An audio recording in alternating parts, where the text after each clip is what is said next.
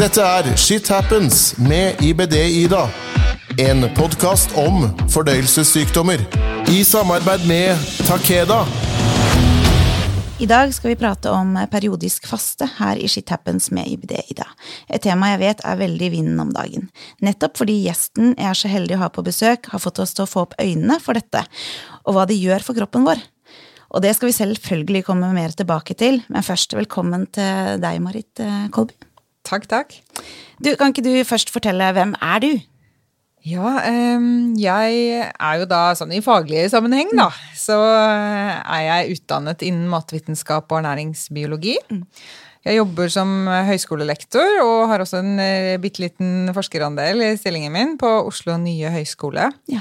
Uh, og så er jeg også da en ivrig formidler av dette med kosthold, hva vi skal spise, når vi skal spise, og driver mye med det uh, i sosiale medier og ja, litt forskjellige fora, da. Mm. Jeg tror veldig mange som er på Instagram har fått med seg hva du, hva du står for, i hvert fall. Ja, det, det får vi tro. Det er mange ivrige følgere mm. på, på, Instagram mm. som uh, følger med og kommenterer og supplerer. Og, så gøy. Ja, så det er veldig artig. Før vi setter i gang, tror jeg vi må få egentlig forklart en gang for alle hva er forskjell på vanlig fasting og periode, periodisk fasting? Ja, ikke sant? Hva er egentlig fasting? Hva er vanlig fasting? Mm. Um, først så kan vi jo nevne det at eh, vi faster jo alle sammen mm. hver eh, eneste dag, håper jeg. Eller hver mm. eneste natt er det jo vi faster. De fleste av oss gjør i hvert fall det. Uh, og hvis man står opp og spiser på natta, så vil jeg si at det er et dårlig idé. Ja. Ja. det bør man ikke gjøre. Nei. Men de fleste av oss er jo faktisk vant til å ha en ganske lang periode med faste i løpet av mm. døgnet. Så det er det vi kaller nattfasten. Fra vi har sluttet å spise på kvelden til vi begynner å spise igjen på morgenen, eller når det skjer. Mm. ikke sant? Um, så det er jo egentlig en del av det jeg kaller for hverdagsfaste. Mm. Eh, og så er det jo mange forskjellige strategier man kan bruke, eller forskjellige metoder man kan bruke for å få litt mer faste perioder i hverdagen sin, mm. eller unntaksvis i lengre perioder. Så når vi snakker om det med nattfasten, den kan man jo forlenge. Mm. Eh, enten den ene eller andre enda av døgnet, da. Enten spise litt senere på morgenen Eh, eller på formiddagen, eller slutte å spise litt tidligere på kvelden. Mm. Det kaller vi for tidsbegrenset spising. Ja. Og egentlig så tenker ikke, jeg at, tenker ikke jeg på det som faste. Nei. Ikke sant? Det er bare litt å forlenge det mm. vi egentlig gjør i utgangspunktet. Mm. Og det som også er viktig når man driver tidsbegrenset spising, er jo at man spiser seg god og mett i måltidene. Mm. Så det, en, det, skiller på en måte denne metoden fra andre typer faste. Mm. Eh, og så har man andre eh, metoder. F.eks. det som jeg mener er periodisk faste, da, eller som vi kaller periodisk faste. Det kan f.eks. være å ha hele fastedager innimellom. Mm.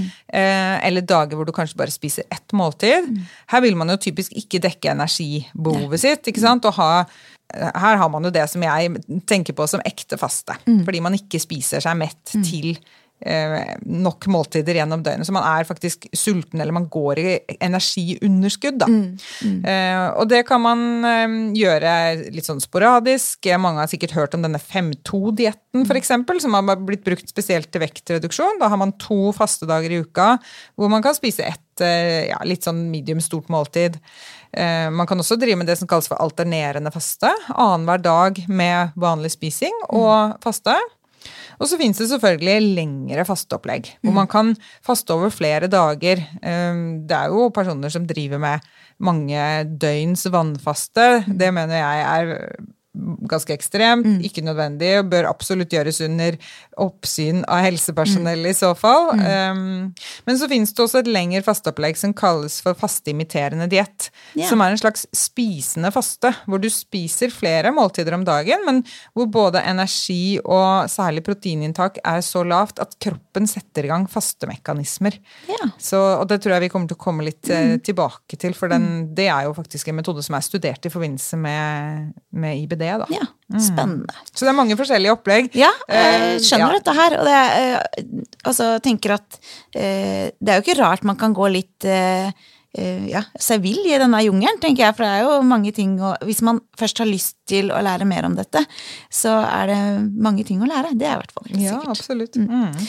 Men det handler jo om det det handler om, da, i bunn og grunn, er at, uh, at, man skal tilbringe mer tid i en tilstand hvor kroppen driver med reparasjon og vedlikehold. Ja. Fordi det gjør den når vi ikke spiser. Mm. Så, så, det er viktig også å huske på at, at uh, hvis man skal prøve et eller annet opplegg, så er det ikke noe poeng å bli helt religiøs på det opplegget. Ja. Det er ikke sånn at man ødelegger alt hvis man ikke følger akkurat det tidsskjemaet man hadde på en måte sett for seg som en mm. metode. Um, hvis man får mer tid i denne denne tilstanden, så vil man få positiv effekt av det mm. uansett, da. Mm. Mm. Og da er egentlig passer neste spørsmål veldig bra. For hvorfor er det så bra for oss, da? Tenker du? Ja, altså det som er er egentlig essensen fra, fra, veldig mye ny forskning, eller ja, forholdsvis ny forskning, det er jo noen tiår nå, da, men i sånn vitenskapelig sammenheng så er det kort tid, mm. eh, er at vi har lært mye mer om det som skjer når vi ikke spiser. Mm. Eh, og, og, det kompletterer på en måte dette budskapet som vi har blitt servert så veldig lenge, at det er selvfølgelig kjempeviktig hva vi spiser. Mm. Det er fortsatt, det står der ja. fortsatt mm. bunnsolid. Vi mm. må spise kvalitetsmat når mm. vi spiser, og vi må spise nok av den. Mm. Um, men så er det også det at vi trenger også pausene fra mat. Mm. Og vi trenger de like mye som vi trenger den bra maten når vi mm. spiser. Og det er fordi at i disse pausene fra maten så foregår det viktige biologiske prosesser mm. som vi egentlig ikke har vært så klar over før, uh, og som vi ikke har lagt så mye vekt på. Og det handler sånn Enkelt sett så handler det om at vi trenger å vedlikeholde, og vi trenger å reparere. Mm. Og det skjer ikke når vi spiser.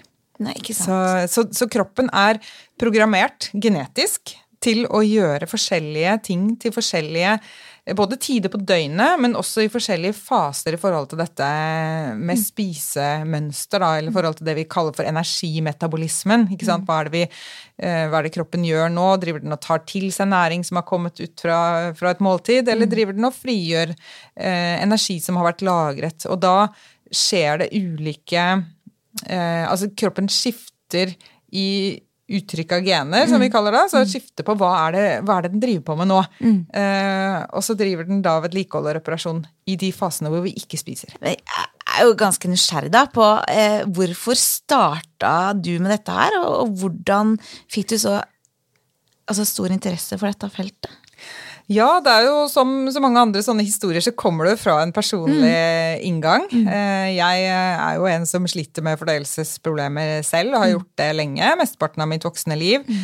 Jeg har da IBS, altså irritabelt tarmsyndrom, som er jo egentlig en litt sånn håpløs sekkebetegnelse på mange ja, forskjellige typer plager. Ja, og veldig kjent for oss med IBD òg, for mange ja. av oss har jo den i tillegg. Eller, ja, ikke sant? I perioder med remisjon så, er, så, har man IBS-plager, så det er, det er, veldig vanlig. Og det er jo en veldig vanlig tilstand. Mm. Vi, vi, vet jo ikke helt akkurat hvor mange, men kanskje Det er jo estimert at så mange som 15% kanskje så mange som 20, har mm. sånne type plager.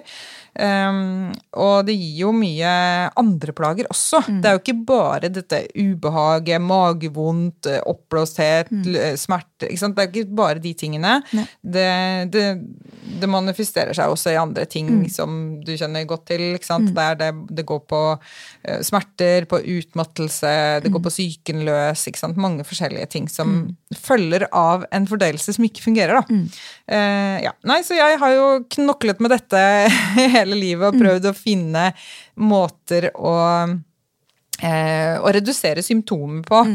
Eh, og så har jeg da brukt det å slutte å spise som en intuitiv metode når ting ble helt gærent. Og jeg bare mm. følte at jeg, jeg tåler ingenting, jeg nå. Kroppen min vil ikke ha, magen vil ikke ha noe.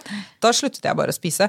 Eh, uten at jeg visste noe om mekanismene for hvorfor det fungerte, men jeg opplevde jo at det fungerte. Mm. Eh, og tenkte at det ikke ville være bra for meg, og de rundt meg tenkte at dette er jo skummelt og farlig, og det må du ikke finne på. Men jeg opplevde jo hver gang at jeg ble fort, eller ble fort mye bedre. Ja.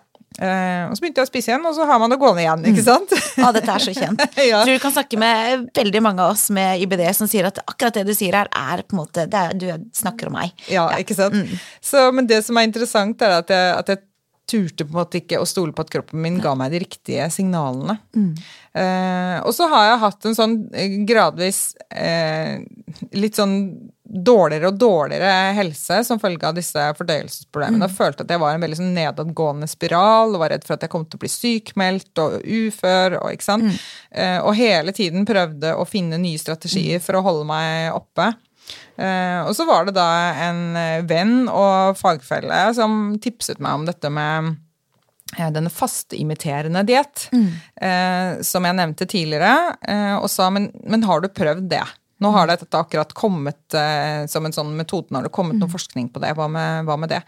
Eh, så jeg kastet meg over det opplegget der. Det er jo da et femdagers opplegg hvor Ja. man spiser lite eh, energi og lite protein for å egentlig makse disse her faste mekanismene som kroppen setter i gang. Men at man fortsatt spiser litt. altså Det er litt sånn lettere gjennomførbart sånn både sosialt Ja. og mentalt og sånn. Eh, og så kjørte jeg noen runder med det. Følte meg veldig mye bedre under den fasten. og begynte å spise vanlig igjen, og så kom alle symptomene Ja. tilbake. Um, og så gjorde jeg det en runde til og opplevde det samme. God bedring under fasten, og så kommer problemene tilbake igjen. Og etter den tredje runden så skjedde det noe spesielt. For da, da forsvant eh, disse, særlig disse ledd- og muskelsmertene og denne utmattelsen som jeg var mye plaget med. da, eh, Som var liksom det som holdt på å ta knekken på meg. Da var det plutselig eh, borte. Ja. Så det var helt revolusjonerende. Eh, og i forbindelse med at jeg begynte med dette her, eh, så begynte jeg også da selvfølgelig å grave meg ned i denne faste litteraturen. Og leste alt jeg kom over eh, av det som finnes. Og der er det jo litt mangelfullt, må jeg si. Det er mye vi ikke har forsket på i denne sammenhengen her, men vi har også gjort såpass mye god forskning på disse, særlig på disse biologiske mekanismene. Hva er det som skjer ikke sant, på, med genuttrykk, og hva er det som skjer inni cellene og slike ting til at jeg skjønte at her er det noen viktige eh, biologiske mekanismer som vi ikke har lagt god nok vekt på, og som ikke vi tar inn når vi snakker om dette her med, med kosthold. Og så har det jo kommet veldig mye god forskning ting, til etter hvert, eh, som har støttet opp under at dette her med å sørge for pa mer pause fra maten, da, og og at disse mekanismene kan få virke, at det er positivt. For veldig mange forskjellige typer helseproblemer. Eh, Så man kan jo lure på om dette med å tilrettelegge for nok faste, da. Altså ikke for mye, men nok til at man får god nok reparasjon og vedlikehold. At det på en måte kan være en slags sånn universalmetode for å gjenopprette helse i mange eh, tilfeller. Så har du jo skrevet en bok om dette, øh, så det er jo, som du sier sjøl også, over gjennomsnittet opptatt av hvordan mat og helse henger sammen. Ja. Som du vet, da, så er jo også lytterne av denne podkasten for det meste personer med fordøyelsessykdom. Det er irritabel tarm, er det noen. Og så er det pårørende til noen av disse eh, pasientene. Eh, og så er det en del helsepersonell da, som jobber, jobber innen dette fagfeltet. Eh, og alle da som har problemer med magen selv, eller kjenner noe til det, vet jo at mat kan være en kjempestor trigger til ubehag og smerter. Så ille er det at mange tror at løsningen ligger i maten, og bruker da enormt med tid i å prøve og feile eh, innen forskjellige matvarer. Leter etter fasiten, rett og slett. Eh, hva kan jeg spise, hva kan jeg ikke spise? Og alle er overbevist, eh, mer eller mindre, om at maten er løsninga her, for å finne en riktig måte å leve på da, med den sykdommen. Men så tenker du egentlig litt motsatt. Du tenker at det er kanskje ikke maten som er løsninga, da. Det er nok en del av løsningen, og jeg kjenner jo veldig godt igjen det du sier der, for jeg har jo levd sånn selv. øh, I jakten på det Hvis jeg bare finner den rette Ja, sammensetningen av maten, så kommer dette her til å ordne seg, fordi at man merker jo hele tiden at ja, men maten har jo så stor betydning. Så det er logisk å tenke at ja, men løsningen må Ja. ligge der. Hvis jeg bare klarer å finne ut hva er det jeg reagerer på Det er kjempeslitsomt. Det er veldig, veldig slitsomt. Ekstremt sånn mentalt eh, Det konsumerer så mye mental energi. Man blir helt utslitt av å tenke på dette her og stresse rundt det. Eh, Så selv om det ligger jo Det er klart at det ligger noe i hva man faktisk spiser. Man kan jo ikke bare spise Neida, hva som helst. Og det er viktig selvfølgelig å spise mat av god kvalitet. Men det jeg har opplevd, da, og som veldig mange andre eh, også melder tilbake til meg, er at når de får nok pause fra maten, enten ved å bruke den ene eller andre metoden, men det er mange som gjør det der å forlenge nattfasten litt, da, og kanskje også ha litt øh, litt færre måltider i løpet av dagen. Spise større måltider, sånn at du kanskje har ja, la oss si tre måltider, da, hvor de kanskje tidligere har hatt seks, kanskje fordi man har blitt fortalt at det er ofte spise, eh, bra å spise ofte lite. Ja. Så det som skjer da, er at plutselig så tåler man mat som man har trodd man ikke tålte før. ikke sant? Så er det sånn Ja, men det var kanskje ikke maten. Det var kanskje bare det at denne magen trengte litt fred. Jeg kaller det der for den derre dragen i magen. Hva er det som vekker den derre Ja. dragen i magen? Kanskje dragen bare egentlig vil ha litt fred. og så får man eh, Ja, så forstyrrer man den når den ligger og sover. Um, så det er jo et eh, litt sånn tøysete bilde på det. Men, Ja, nei, jeg jeg syns det var veldig bra. Godt forklart. ja, så jeg tror at ehm, Eller det, ikke bare tror, jeg vet jo det fordi at det er, det er så mange tilbakemeldinger jeg har fått om dette her, eh, at dette absolutt har noe å si. Så kanskje det er sånn for mange at det å spise litt sjeldnere og legge til rette for litt mer tid i reparasjon og vedlikehold kan være vel så effektivt som denne jakten på det perfekte kostholdet. Og så kan man selvfølgelig gjerne supplere det litt med eh, Vet man f.eks. at jeg reagerer voldsomt på de og de og de matvarene, så skal man jo fortsatt ta hensyn til det. Men livet kan bli mye enklere. Og ikke minst også det at hvis man skal spise så ofte, så har man jo mange sånne perioder i løpet av dagen hvor du skal prøve å finne et eller annet du ikke reagerer på. Ja, absolutt. En Kjempe, ja, det er en stor Så, utfordring. ja, så så det- færre måltider. Da kan du, det redusere mye stress rundt det. da. Ja, jeg spiser to-tre ganger om dagen, eh, og så har man fred fra den kverna i hodet de andre timene, og det er veldig befriende, altså. Ja, så er det pårørende som er også ekstremt opptatt av dette her, og som eh, jeg tenker at For min del så hadde det vært kjempedeilig å kunne bare fått litt ro rundt det. Mm. At de også hadde fått eh, forståelse av hva dette her innebar. At ikke nødvendigvis det er feil å spise lite, for det er jo noe jeg har hørt hele tida. At du kan ikke holde på sånn, det er ikke bra for deg å spise bare det ene måltidet i løpet av en dag, eller ja. Eh, Så det å kunne få litt eh, ro og fred på det fra flere steder tror jeg kunne vært eh, veldig bra. Men kan ikke du forklare hvorfor lite ofte ikke nødvendigvis er løsninga, da? Altså, hva er, hva er det hva er det som skjer når vi spiser lite ofte? Ja, og det som også er interessant i den konteksten, er jo det at det er jo ikke noe kunnskapsgrunnlag som ligger til grunn for den anbefalingen om å spise ofte og lite. Nei. Mm. det er en antagelse om at det vil være bra, og at liksom det å tilføre sånne små, jevnlige porsjoner med det vi trenger, vil Mm. være bra for oss. Men, men det, er, eh, ja, det er ingen god begrunnelse der. Så, så det er jo det første ikke sant? Som, som gjør at jeg tenker at det er veldig legitimt å utfordre dette her. Um, men det som skjer, ikke sant? Da, da skjer jo det at man eh, stadig fyller på og bryter av disse viktige prosessene. Så hvis vi kan gå litt mer i detalj på det, så er det to ting der jeg gjerne vil trekke fram. Uh, og det ene er uh, en prosess som er en slags sånn renseprosess, som går i tynntarmen mellom måltider. Når magesekken er tom, så setter den i gang med noen sånne rytmiske muskelsammentrekninger som går i sånne bølger gjennom eh, hele tynntarmens lengde. Um, og hensikten med det her er å børste vekk i gåseøyne eh, bakterier og matrester.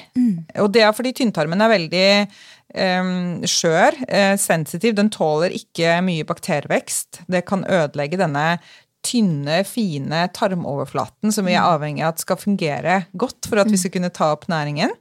Eh, og derfor så har jo denne funksjonen blitt utviklet ikke sant? for å sørge for at ikke vi får mye bakterievekst i tynntarmen. Så den skal jo være nesten steril, den. Eller ikke steril, da, men den skal være veldig lite bakterier i tynntarmen mellom måltider. da. Eh, og det er dette jeg har kalt for børstebilen Ja, eh, i ja. boken Ja. min. Som mange syns er et veldig sånn Det er et sånn fint bilde, Ja. ikke sant. Hva er det denne her gjør? Jo, den går jo akkurat som børstebilen børster gatene nå som vi er på våren og fjerner grus og eh, søppel og sånn, så gjør børstebilen dette her i tarmen mellom måltidene. Så, og når vi spiser noe, så stopper vi denne mekanismen. Ja. Ja. Så hvis man gjør det Hvis man stadig fyller på med et eller annet, så får man ikke denne renseprosessen i tynntarmen, som er viktig for at vi skal holde oss friske. Og så er det dette andre som jeg snakket om, med dette med vedlikehold og reparasjon. Der er det en prosess eh, som kalles for autofagi, og det betyr egentlig selvspising. Eh, og det handler om at cellene i, både i tarmen vår, men også ellers i kroppen, de begynner å eh, rydde opp i ting som ikke fungerer så godt. Ja. Eh, når vi er i en, en eh, tilstand hvor vi ikke har spist på en stund. Men dette her styres av denne energitilgangen. Mm. Så, så det, den prosessen der vil også da eh, avbrytes av å spise. Ja. Eh, og denne autofagiprosessen det har blitt kalt for søppeltømming i cellene. Mm. Ikke sant? Så da har vi en børstebil i tarmen, og så har vi søppeltømming i cellene. Og sammen så sørger disse her for å holde tarmen vår frisk og sunn, da. Eh, så, så hvis man spiser ofte og lite, så bryter man av disse viktige biologiske prosessene som er der for å holde oss friske. Eh, så derfor så Med det perspektivet, da, og denne biologien, at man vet at disse mekanismene er der, så gir det mening å heller samle det til noen færre større måltider. Eh, og en annen ting er jo også det at hvis man spiser lite, så blir man jo ikke mett. Nei. Så da får man jo også det tankekjøret på toppen. ikke sant? At man egentlig er litt sulten og er litt fysen, som igjen trigger at man kanskje spiser oftere og snoker og sånne ting. Så har du det gående. Mens hvis man spiser et ordentlig måltid og spiser seg ordentlig god og mett, sånn at man virkelig kjenner at nå er jeg mett, nå vil jeg ikke ha mer. Ikke sant? Ja, det er jo ikke noe tvil om. Altså, Ja. Spiser du deg god mett, så, så er du ikke i det sjokoladeskapet. Nei, Men er nei. du sulten, så er det jo gjerne der du går, da. Så, ja. Absolutt. Og det er, det er også masse av disse biologiske mekanismene som handler om sult og metthet, eh, de ligger jo også i fordøyelsessystemet vårt. Og sender signaler hele veien. Det, det starter i munnen med tygging, og det er i magesekken med forskjellige ja, sensorer der, og det er masse utsendelse av kjemiske stoffer i tynntarmen osv., som sender da signaler tilbake til hjernen, og så er det hjernen som tolker eh, hvorvidt du er sulten eller ikke. Det er hjernen som forteller oss det. Eh, så vi er avhengig av å få eh, på en måte løst ut disse metthetsmekanismene for at hjernen skal være tilfreds. Ellers så begynner det der snokemønsteret Ja, og søtsuget mm. og sånn. Så det er også et viktig aspekt av det, tenker jeg, det med at vi ikke Vi bør ikke spise ofte og lite. Vi bør spise Jeg pleier å si at vi skal spise så sjelden som vi trives med. Ja. Eller gå for det laveste antall måltider vi eh, trives med, og så spise oss ordentlig gode og mette når vi spiser. Og jeg tenker, jeg da, hvis, hvis jeg skulle hatt uh, slanka meg, for eksempel, så hadde det jo vært eh, viktig for meg å bli god og mett. For Jeg tenker at det vil jo gjøre meg mer tilfreds enn om jeg skulle gått og spist eh, meg bare sånn litt, litt eh, mett hele tida. Så det må jo være, være lurt for mange områder. Mm, og jeg tenker jo at det er, det er faktisk en menneskerett å spise seg mett. Ja, ja, ja. det bør vi tillate oss. Jeg pleier jo å si at mange med IBD, og muligens også IBS, eh, får en slags spiseforstyrrelse. Og da mener ikke jeg i forhold til at eh, vi spiser for å være tynne, eller spiser for den årsaken, men, men for å ha kontroll over plagene våre. Eh, Og da er jo, er jo det sånn at kontrollen ligger i å ikke spise før vi vet at vi er trygge um, til å kunne tåle konsekvensene av å spise. For mange av oss sliter jo da med at idet vi spiser, så får vi enten kjempevondt i magen eller flyr på do. Og hvis en skal sånn som i dag, da, når jeg er her, så spiser jo ikke jeg før jeg kommer hjem igjen etter Og det er jo mange timer. Og mange kan jo være sånn Åssen orker du å være så mange timer uten mat? Men det også blir jo en slags vanegreie. Kan du ikke fortelle litt om åssen man får det til? For det er jo mange som tenker uten mat så blir jo huet helt ødelagt. Ja, og det som er interessant, er at veldig mange har jo aldri prøvd. Sant? så det er noe med det. Jeg trodde også det før jeg prøvde selv. Jeg var jo et sånt eh, svorent frokostmenneske frokostmenneske og var sulten idet jeg sto opp og tenkte at det, det, det må jeg ha i livet mitt. Jeg må ha frokost. Jeg vil helst ha det med en gang jeg står opp. Eh, Men jeg hadde jo aldri prøvd å ikke gjøre det. Eh, Så jeg prøvde jo det, da. eh, I forbindelse med at jeg begynte å sette meg inn i dette med hva faste har å si for kroppen. Utfordret eh, mine egne fordommer holdt på, å si, på det. Eh, og ble veldig overrasket over hvor godt jeg fungerte Mm. uten å ha spist frokost. Eh, så, og, og man blir jo selvfølgelig litt sulten, men det som også mange ikke vet, er at den sulten kommer og går i bølger. Det er også styrt av et hormon eh, som sendes ut med jevne mellomrom. Eh, og da føler man på sult, men hvis man da ikke spiser, så går det bort igjen. Så man er kanskje sulten i ti minutter eller et eller annet sånt, og så er det borte igjen, og så kan man konsentrere seg og har det helt fint.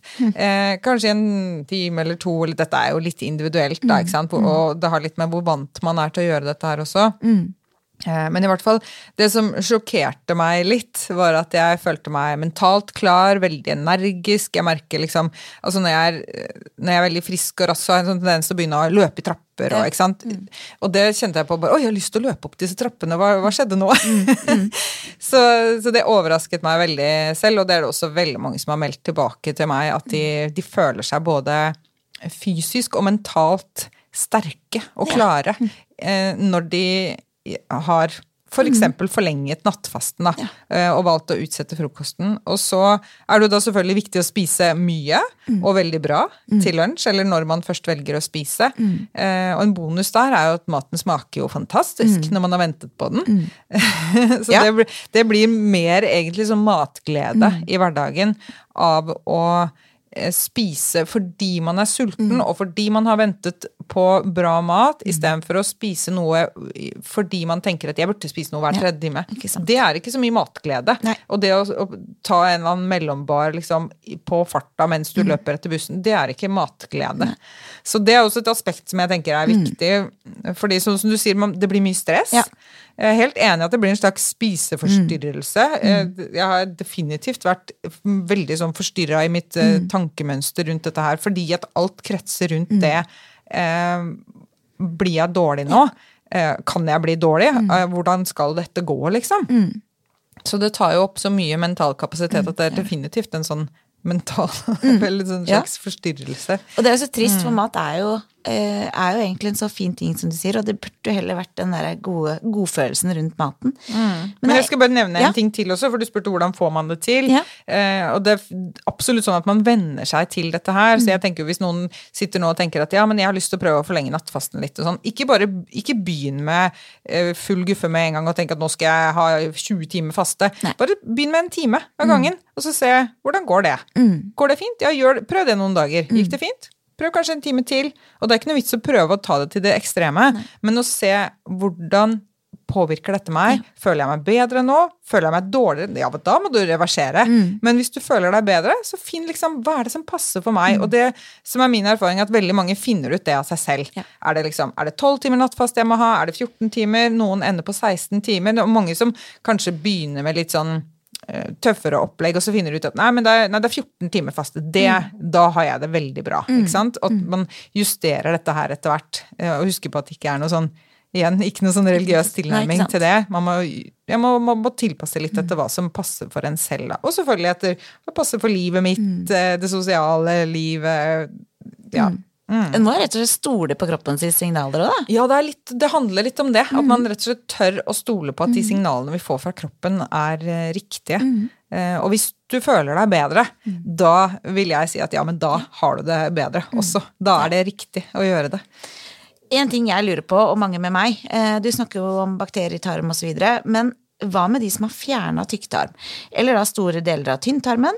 Hvordan fungerer faste for de? Eh, Er det andre ting å ta hensyn til eh, da? Eh, ja, altså dette blir jo veldig spesifikke medisinske tilfeller, og jeg er absolutt ikke noen eh, ekspert på det, så jeg kan jo bare snakke ut fra disse generelle mekanismene. Eh, og nå er det sånn at dette jeg snakket om i stad, dette med denne børstebilen, eh, det handler jo primært om tynntarmen.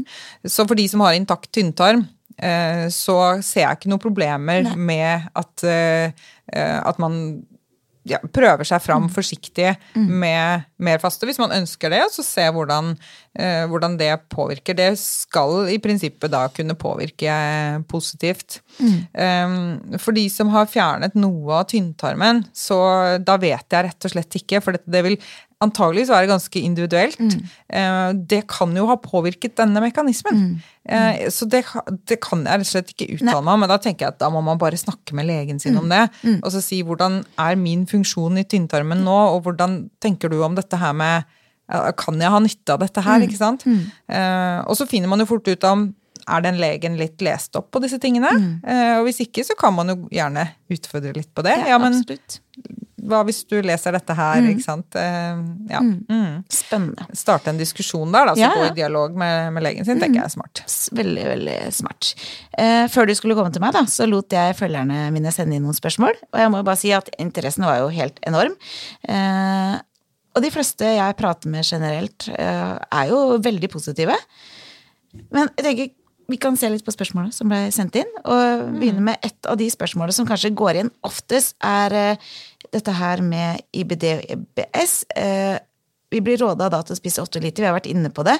Er det virkelig noe for seg å holde igjen på dette når erfaringen min og andres er at jo færre måltider jeg spiser, jo bedre er min mage? Altså, det, vi har jo egentlig vært inne på det. Mm. Kan man gi slipp på det? Ja, jeg, jeg tenker det. Absolutt. Det er, som sagt, det er ingen gode begrunnelser for at man skal spise ofte og lite. Eh, og hvis man ser på litteraturen sånn generelt, man finner friske mennesker både blant de som spiser ett eller to, og de som spiser fem måltider om dagen. Så det er ikke egentlig noen fasit der, og da kan man absolutt tilpasse. Det som er viktig, er jo at man spiser veldig bra mat når man spiser.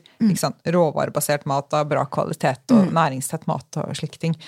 Um, tenker jeg. Um, det er det viktigste. Så, så absolutt nei. Um, Stol på kroppen. Ja. Og så er det, Jeg har gått på fasting over tid, og i starten var det fantastisk. Det var jo, og det er det jo enda, men etter tre uker merket jeg smerter og økt sure oppstøt, spesielt av kjøttmat. Hva kan være en faktor? PS spiser lite sukker og råvarer. Hilsen anonym. Spiser lite råvarer. Eller Det, det er det det lite står. sukker Lite, og lite, ja, det er sikkert bare skrive litt feil. Spiser Ja. lite sukker og gode råvarer. Spise råvarer, Ja. antageligvis. Ja. Uh, nei, det er ikke så godt å si hva det kan være for noe, men det som kan, det som kan være en ting, da, er jo at når man um, Når på en måte man får en bedre fungerende tarmhelse, så vil man også bedre kunne skille ut ting man reagerer negativt eller positivt på. Det er i hvert fall også min erfaring. Det ble mye tydeligere for meg hva som er bra mat for meg, når ikke det var så kaos i tarmen hele Ja. tiden. ikke sant? Så det kan jo rett og slett være at, at denne personen kan undersøke litt mer. Ja, men skjer dette hver gang jeg spiser sånn? Eh, kanskje jeg ikke skal spise så mye av det, da. Det som jeg spiste da. Kanskje det rett og slett er noe som ikke er så bra for denne personen. Og så finne litt ut av hva er det, hva er det jeg trives best med.